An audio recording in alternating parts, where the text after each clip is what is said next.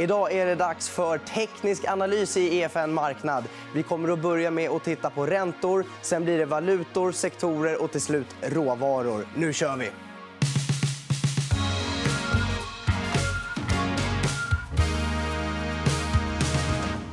Och det här ska vi dyka ner i tillsammans med Nils Brobacke från Brobacke Global Allokering. Varmt välkommen tillbaka till studion. Kul att vara här, Albin. Jajamän. Verkligen. Alltid roligt att vara här. Prata grafer, prata Ja. marknad, makro. Mycket roligt. Och du var här senast i mars. Då gillade du boomer-traden. Kan du berätta vad boomer-traden är kort och var, varför du gillade den då? Och är den fortfarande intressant? Ja, men det är kul. Det är egentligen både när jag var här i mars men även om vi blickar tillbaka till 30 oktober förra året så, så har vi pratat en del om den så kallade boomer-traden eller value-traden. Och, och om vi ska lyfta och väldigt grovt förenkla det så är det ju eh, tillgångar, sektorer som, som eh, mår bra i en stigande räntemiljö. Mm. Till exempel bank, till exempel råvaror, energi, value och så vidare. Eh, och det har väl egentligen fortsatt på det spåret. Eh, vi hade en paus här under maj fram tills egentligen här i oktober i den traden, men den har nu tagit vid. Och vi kommer ju se hur den har presterat. Det jag vill lyfta fram här idag det är väl de viktigaste nivåerna jag kollar på i räntemarknaden, råvarumarknaden för att förstå Kommer det här fortsätta? Är vi liksom i, i, i en fortsatt väldigt stark boomer-trend? Eller eh, ska det förändras?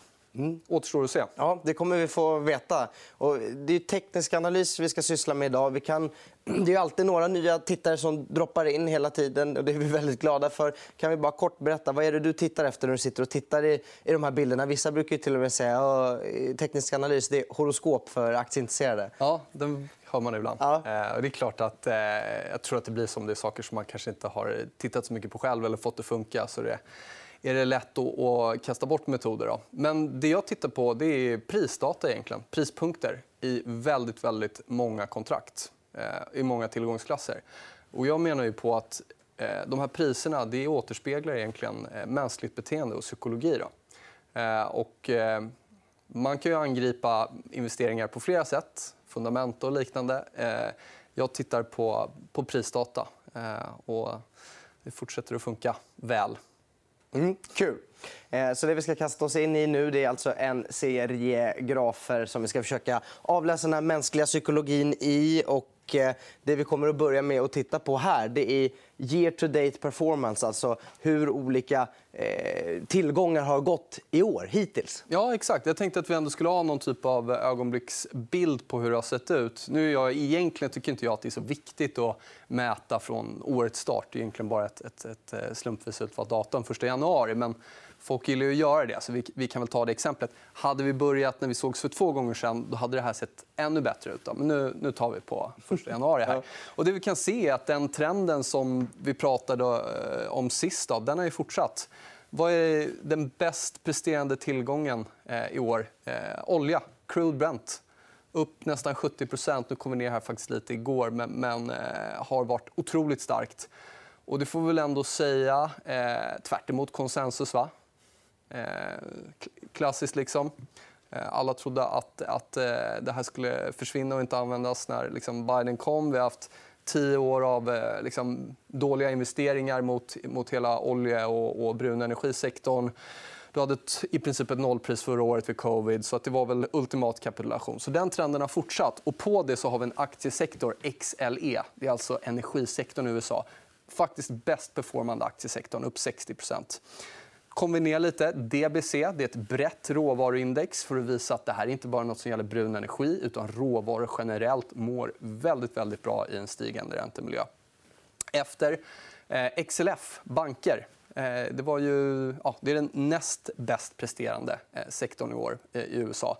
Eh, och banker älskar ju också stigande räntor. Eh, det tror jag vi sa sist också. Den där trevliga marginalen som blir fetare och fetare ju mer räntan stiger. Då. Eh, Och vi kommer att prata lite... Jag tycker det ser väldigt, börjar se väldigt intressant ut på räntemarknaden i Europa. Eh, vilket skulle då tala för en, en stark aktiemarknad i Europa.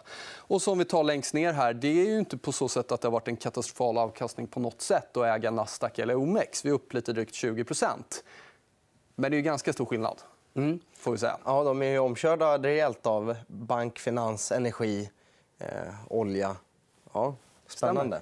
Så, men vi kan väl hoppa vidare tycker jag. Eh, behöver inte hänga för mycket i vad som har hänt utan vi ska ju titta framåt. Den här grafen brukar, ju då, brukar du och jag börja med. Den amerikanska tioåringen. Och det är alltid kul att kalla det för det, men det är ju inget barn det här.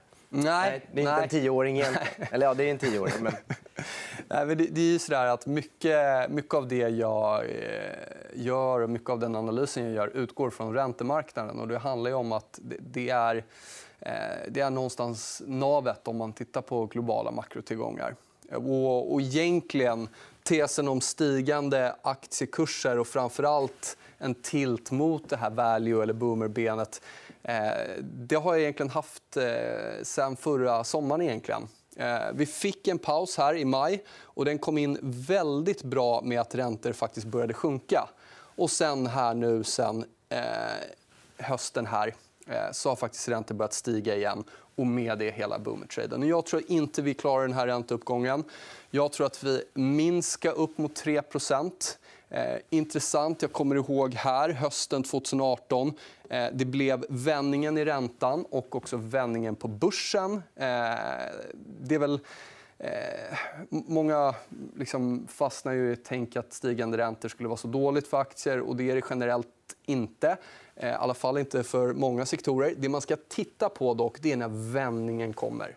Eh, det skulle ju vara då en indikation på eventuell svaghet. Och det skulle ju kunna vara så att den vändningen skulle komma redan här. Eh, alltid när vi pratar teknisk analys så tycker jag det är otroligt viktigt att definiera vad vi har fel.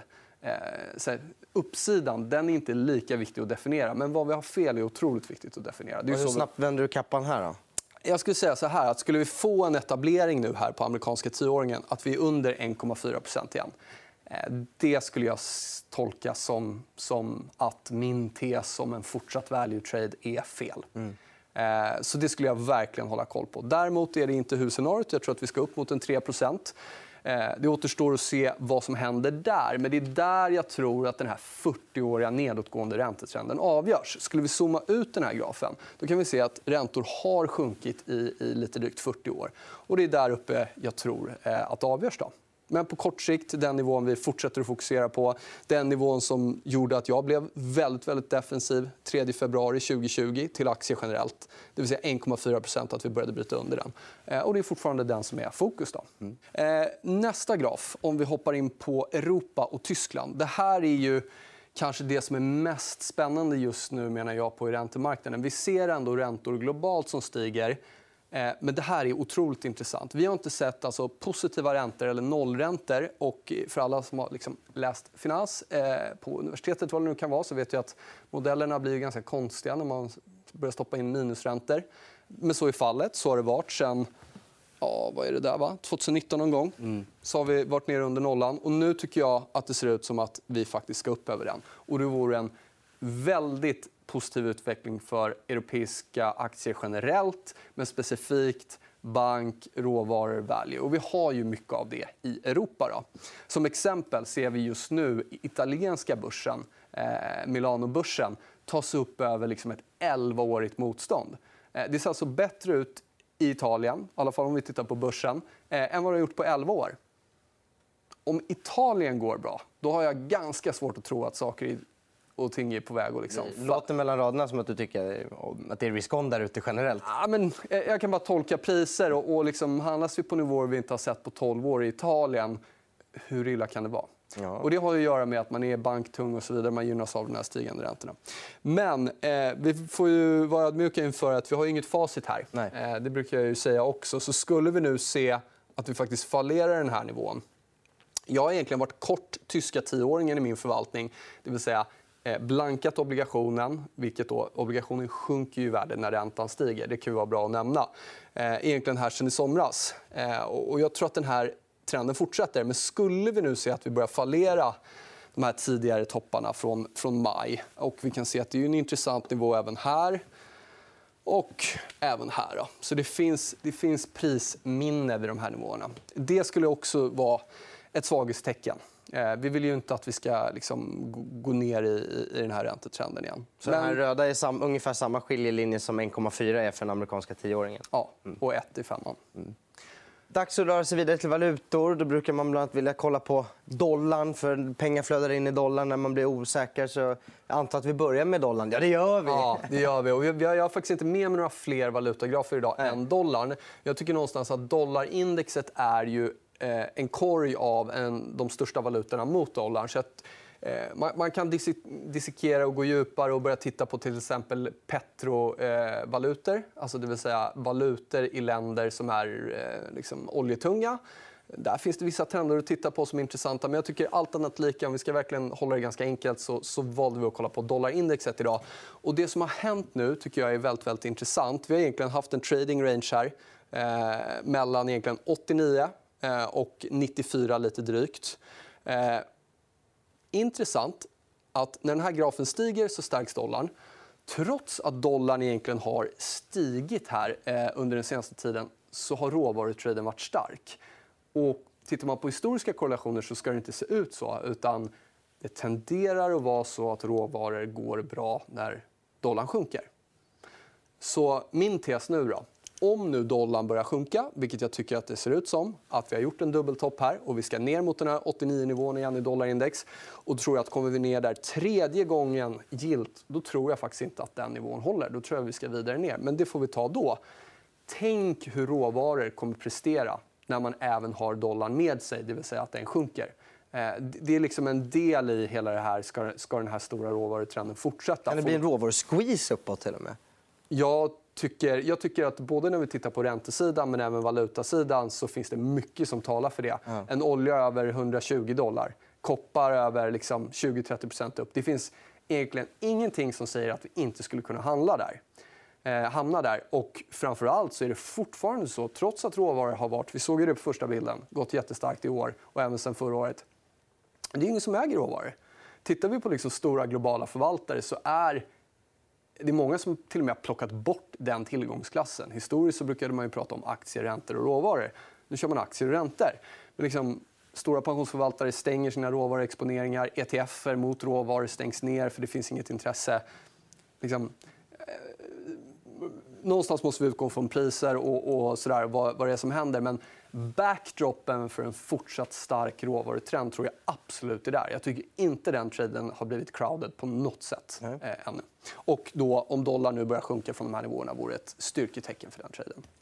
Vi rör oss vidare till eh, sektorer. Vi, kommer ju, vi har verkligen lagt upp det för råvaror. Vi tar oss igenom lite aktiesektorer först. Eh, bank och finans. Mitt största innehav i min förvaltning, eh, bank och finans, amerikanska eh, banker och finansbolag. Och de gynnas av en stigande ränta.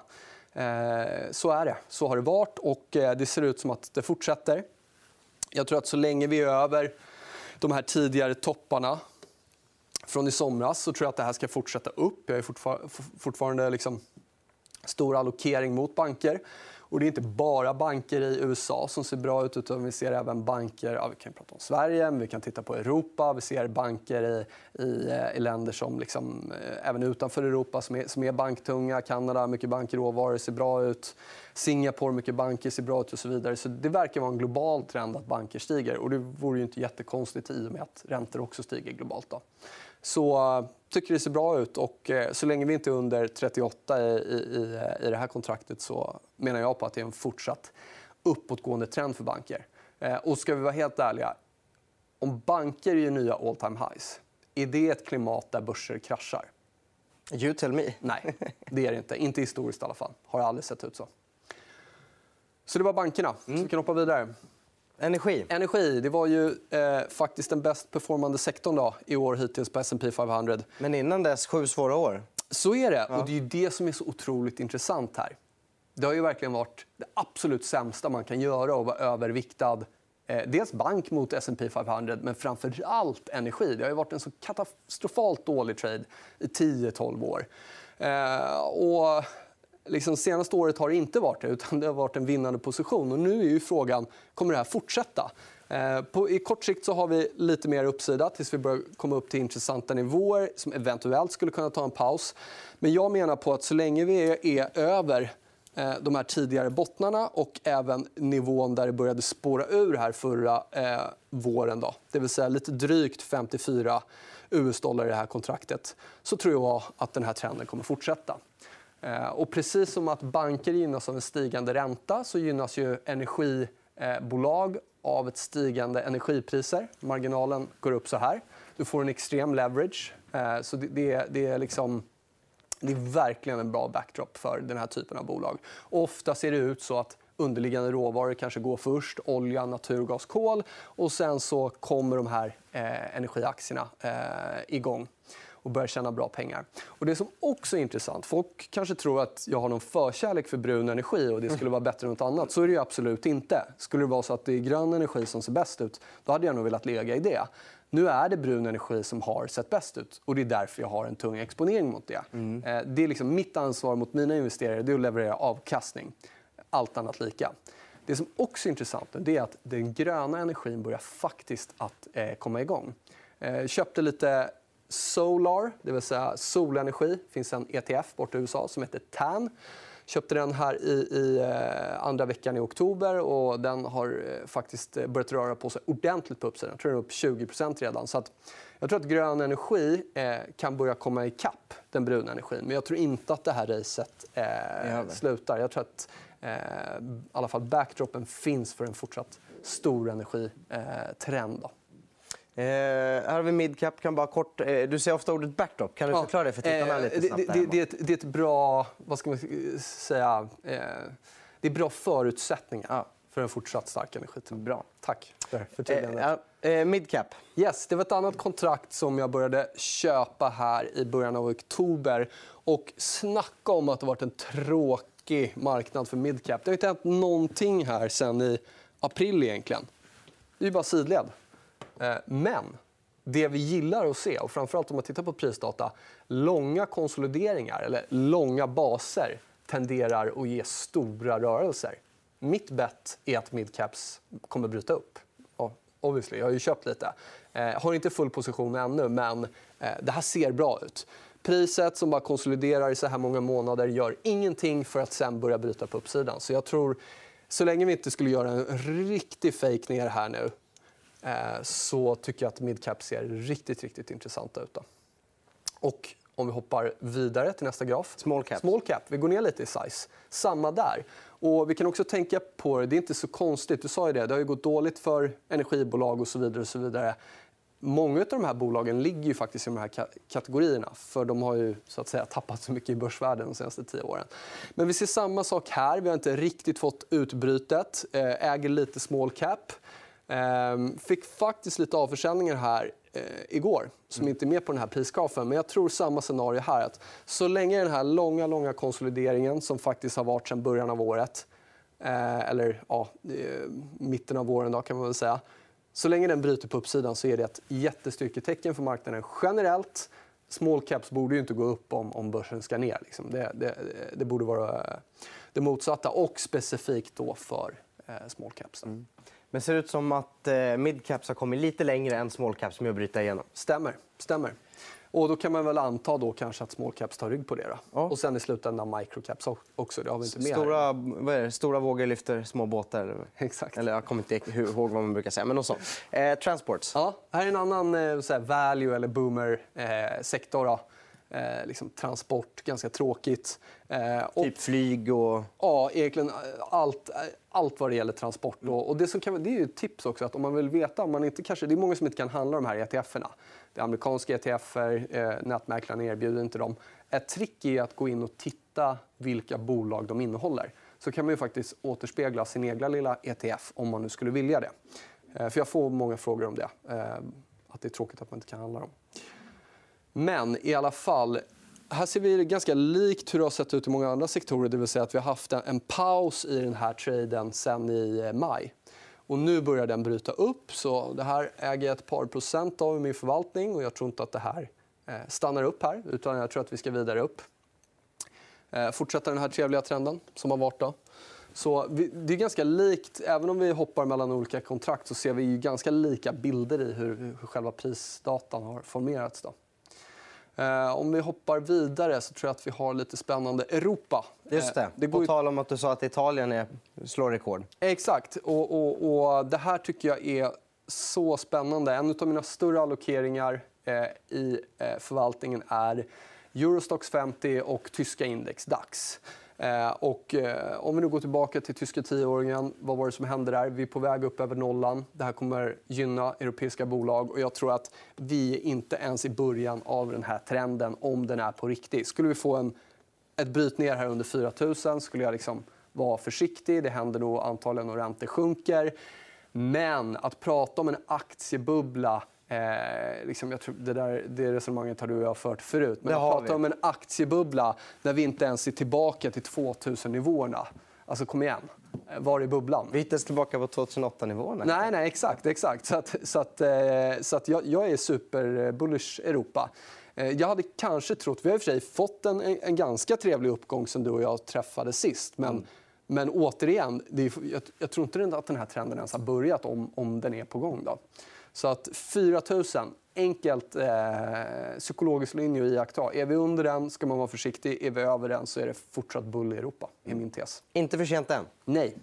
Eh, OMX, yes, nu på hemmaplan. Prata lite hemmaplan också. Vi har ju faktiskt fått lite... Jag tog ut den här grafen igår, va? så det har faktiskt kommit ner här lite. Men jag tycker det fortsatt ser ut som att OMX samlar kraft för vidare uppgång. Ja, borde inte vi vara gynnade av boomer-traden? Ja. Industri, bank... Ja, det, det, man kan ju tycka det. Ja. Eh, men på något sätt har OMX blivit lite av ett eget djur. Vi, vi tittade ju där första grafen så såg vi att OMX har presterat ganska exakt som Nasdaq har gjort i år. Så att, eh, det är lite, det är lite är konstigt faktiskt, av det? faktiskt med OMX. Men jag tror så här att eh, är vi i en situation Alltså skulle vi komma under 2200... Jag var, jag var kort eh, faktiskt OMX i min förvaltning ända fram till eh, här i början av oktober. Något som jag kommunicerade ut också eh, när jag stängde den positionen. Och jag tror så här att så länge vi är över den här egentligen 2200-nivån så tror jag inte vi ser nya lägsta. Men det skulle ju inte vara en bra grej att vi, vi börjar komma ner där igen. Så att jag har ingen position på OMX i dagsläget. Skulle jag kunna köpa det? Absolut. Men det jag vill se är att vi liksom tar oss över den här konsolideringen. Det är också lite, det kan också säga, det har ju faktiskt inte hänt så mycket sen april. Det handlas ju nu efter den här dagens nedgång ungefär till samma nivå som var i april. Så att det är också en ganska lång sidledes eh, handel. Och det tror jag också har så här, om vi tittar på sentimentet, folk var väldigt positiva här. Eh, nu är man ju liksom tillbaka i den här rangen och det tror jag påverkar eh, även sentimentet faktiskt. Mm. Emerging markets Emerging brukar markets. gynnas om eh, råvaror går bra. Emerging markets brukar gynnas. Och jag vet att när du och jag träffades 30 oktober förra året, så nästan exakt ett år sedan, då var det här vårt eh, topic, det, det jag pratade om. Så jag tyckte det såg väldigt, väldigt intressant ut. Och det blev en fantastisk utveckling. Men sen dess har det faktiskt inte hänt så mycket. Eh, utan det har kommit ner lite. Det är ingen krasch. Mycket av det här drivs av Kina, såklart. Stor vikt i det här kontraktet, emerging markets. Skulle vi titta på emerging markets utan Kina, då ser det här lite bättre ut. Jag tror att det är dags att börja köpa emerging markets igen. Eh, det vi har gjort nu är att vi har stannat upp vid tidigare toppnivåer och försöker bygga en bas här. Skulle vi nu få en sjunkande dollar skulle det liksom driva på det här scenariot. Eh, det vi inte vill är att det ska fortsätta att stöka i Kina. Det tycker jag inte ser ut som. Jag tycker att Eh, det ser ut som att vi har fått max fear där borta. Eh, så emerging markets är nåt som jag eh, är sugen på att köpa. Har inte köpt ännu. Och återigen samma sak här. Vi kan prata om aktiebubblor hur mycket vi vill. Det har inte hänt någonting på 12 år. Så om vi tar ut den här då tidigare nivån från 2007, tror jag att det där är. Hur stor ska inte uppsidan vara? Har inte hänt någonting på 12 år, har samlat kraft för att sen dra upp. Det kan ju bli hur bra som helst faktiskt. Mm. Ja, spännande.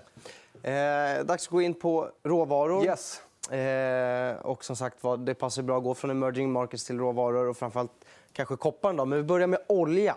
Olja är eh, en viktig del. Det är väl liksom den största vikten i många råvaruindex. Och så där. Eh, och det vi ser nu är att vi faktiskt te testar en historiskt viktig nivå. Eh, vi har inte handlats över den här nivån sedan 2015. Eh, så det har varit fortsatt rally i oljan. Jag tror att vi, vi eventuellt att vi tar en liten paus här, men mitt huvudscenario är att det här fortsätter uppåt. Då. Skulle vi se en, en kraftig avförsäljning ner här, eh, det skulle ju faktiskt tala emot allt som jag har stått och sagt här idag. Eh, att det kan pausa och rekulera lite det är väl ingen jättefara, men skulle vi se en kraftigt bryt av den här trenden Eh, det skulle vara en, eh, ett svaghetstecken för, för liksom allt som vi har tittat på här idag. Eh, men jag tycker fortfarande att det är väl Eh, den största pain-traden där ute. Liksom. Brun, brun energi, olja. Eh, det är eftersatt. Vi kommer fortsätta att behöva det. Eh, och nu dessutom så börjar, liksom, nu börjar vi komma upp på nivåer som vi inte har sett på väldigt, väldigt länge. Och det brukar ju sällan vara ett, ett svaghetstecken. Då.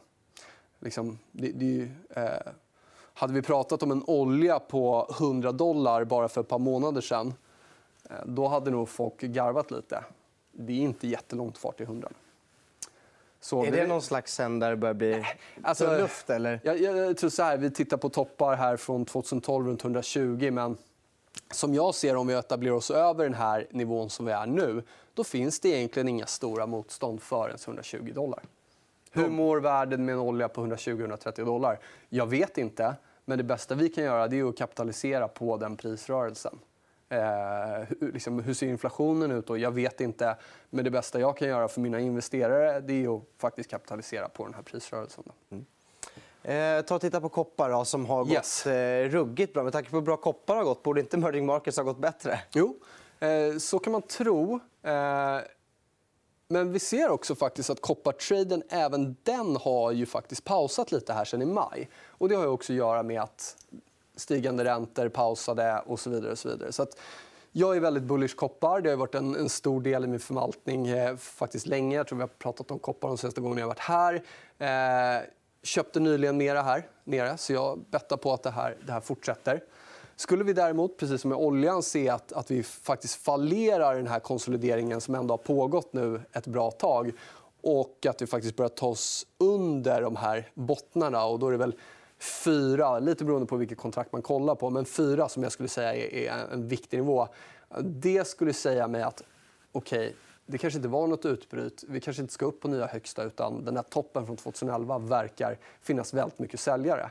Eh, men so far så är mitt bett och jag tycker fortfarande det ser ut som att, att vi kan få den här liksom, fortsatta uppgången. Eh, kanske till 6, vem vet. Men det man ska ha med sig också är att det här är ju absolut en trade som gynnas nu om dollarn börjar sjunka. Så att, liksom, har vi ändå lyckats hålla ihop när dollarn har varit stark, om nu dollarn börjar sjunka, då kan vi få den här ytterligare uppgången i trenden. Mm. Guld. Guld får vi många frågor om. Och, eh, hade man stått här liksom i, i början av, eller i förra sommaren då, kanske och när vi tittade liksom på stimulanser, 20% nya, eh, liksom M2 stiger med 20 och om du hade vetat scenariot att vi skulle ha inflation och så vidare så tror jag kanske att många hade trott att guld hade presterat bättre i den här miljön. Det har det inte gjort. Eh, guld tenderar ju faktiskt att korrelera med sjunkande räntor allt annat lika. Och räntan, eh, eller förlåt, eh, exakt. Så att guld tenderar att, att, att må bra i en sjunkande räntemiljö. Då. Och om vi bara tittar på tioåringen så har den faktiskt stigit sen förra sommaren. Och guldet har sjunkit. Eh, däremot så tror jag att vi börjar faktiskt se ganska intressanta eh, tecken här. Jag tror att den här 1800-nivån blir väldigt, väldigt viktig för guldet. Eh, kan vi försvara den nivån, kan vi etablera oss ovan den nivån igen så tror jag att det är dags att bli bullerskuld igen och därmed också silver. Eh, jag äger lite guld i förvaltningen, eh, men jag vill se att vi faktiskt börjar etablera oss ovan den här 1800-nivån.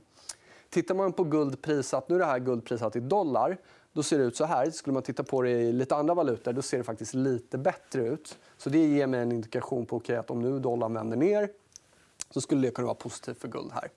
Så att 1800, eh, stor, stor viktig nivå som jag håller koll på. Jag tror det, det blir, en, blir en viktig skiljelinje. Ska vi återupprepa varför en skiljelinje? Jo, det är ju topparna här från 2011. Man brukar säga att när guldet går bra, då är det risk-off där ute. Behöver man tänka så här? Eller? Ja, alltså det är väl en liten förenkling. Eh, för vi kan fortfarande se eh, ett stigande guldpris och ett stigande aktiepris. Det finns många exempel på det. Eh, så att jag, tror att... Jag tror att det blir att förenkla lite. Men, men absolut, det har ju de downside protection-egenskaperna också. Eh, skulle jag säga. Mm.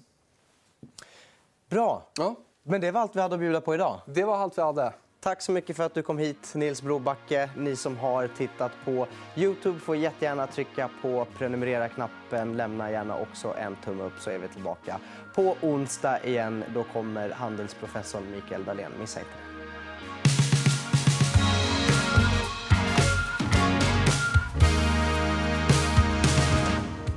EFN Marknad är en podcast från EFN Ekonomikanalen. Ansvarig utgivare är Anna Fagerström. EFN finns även som app.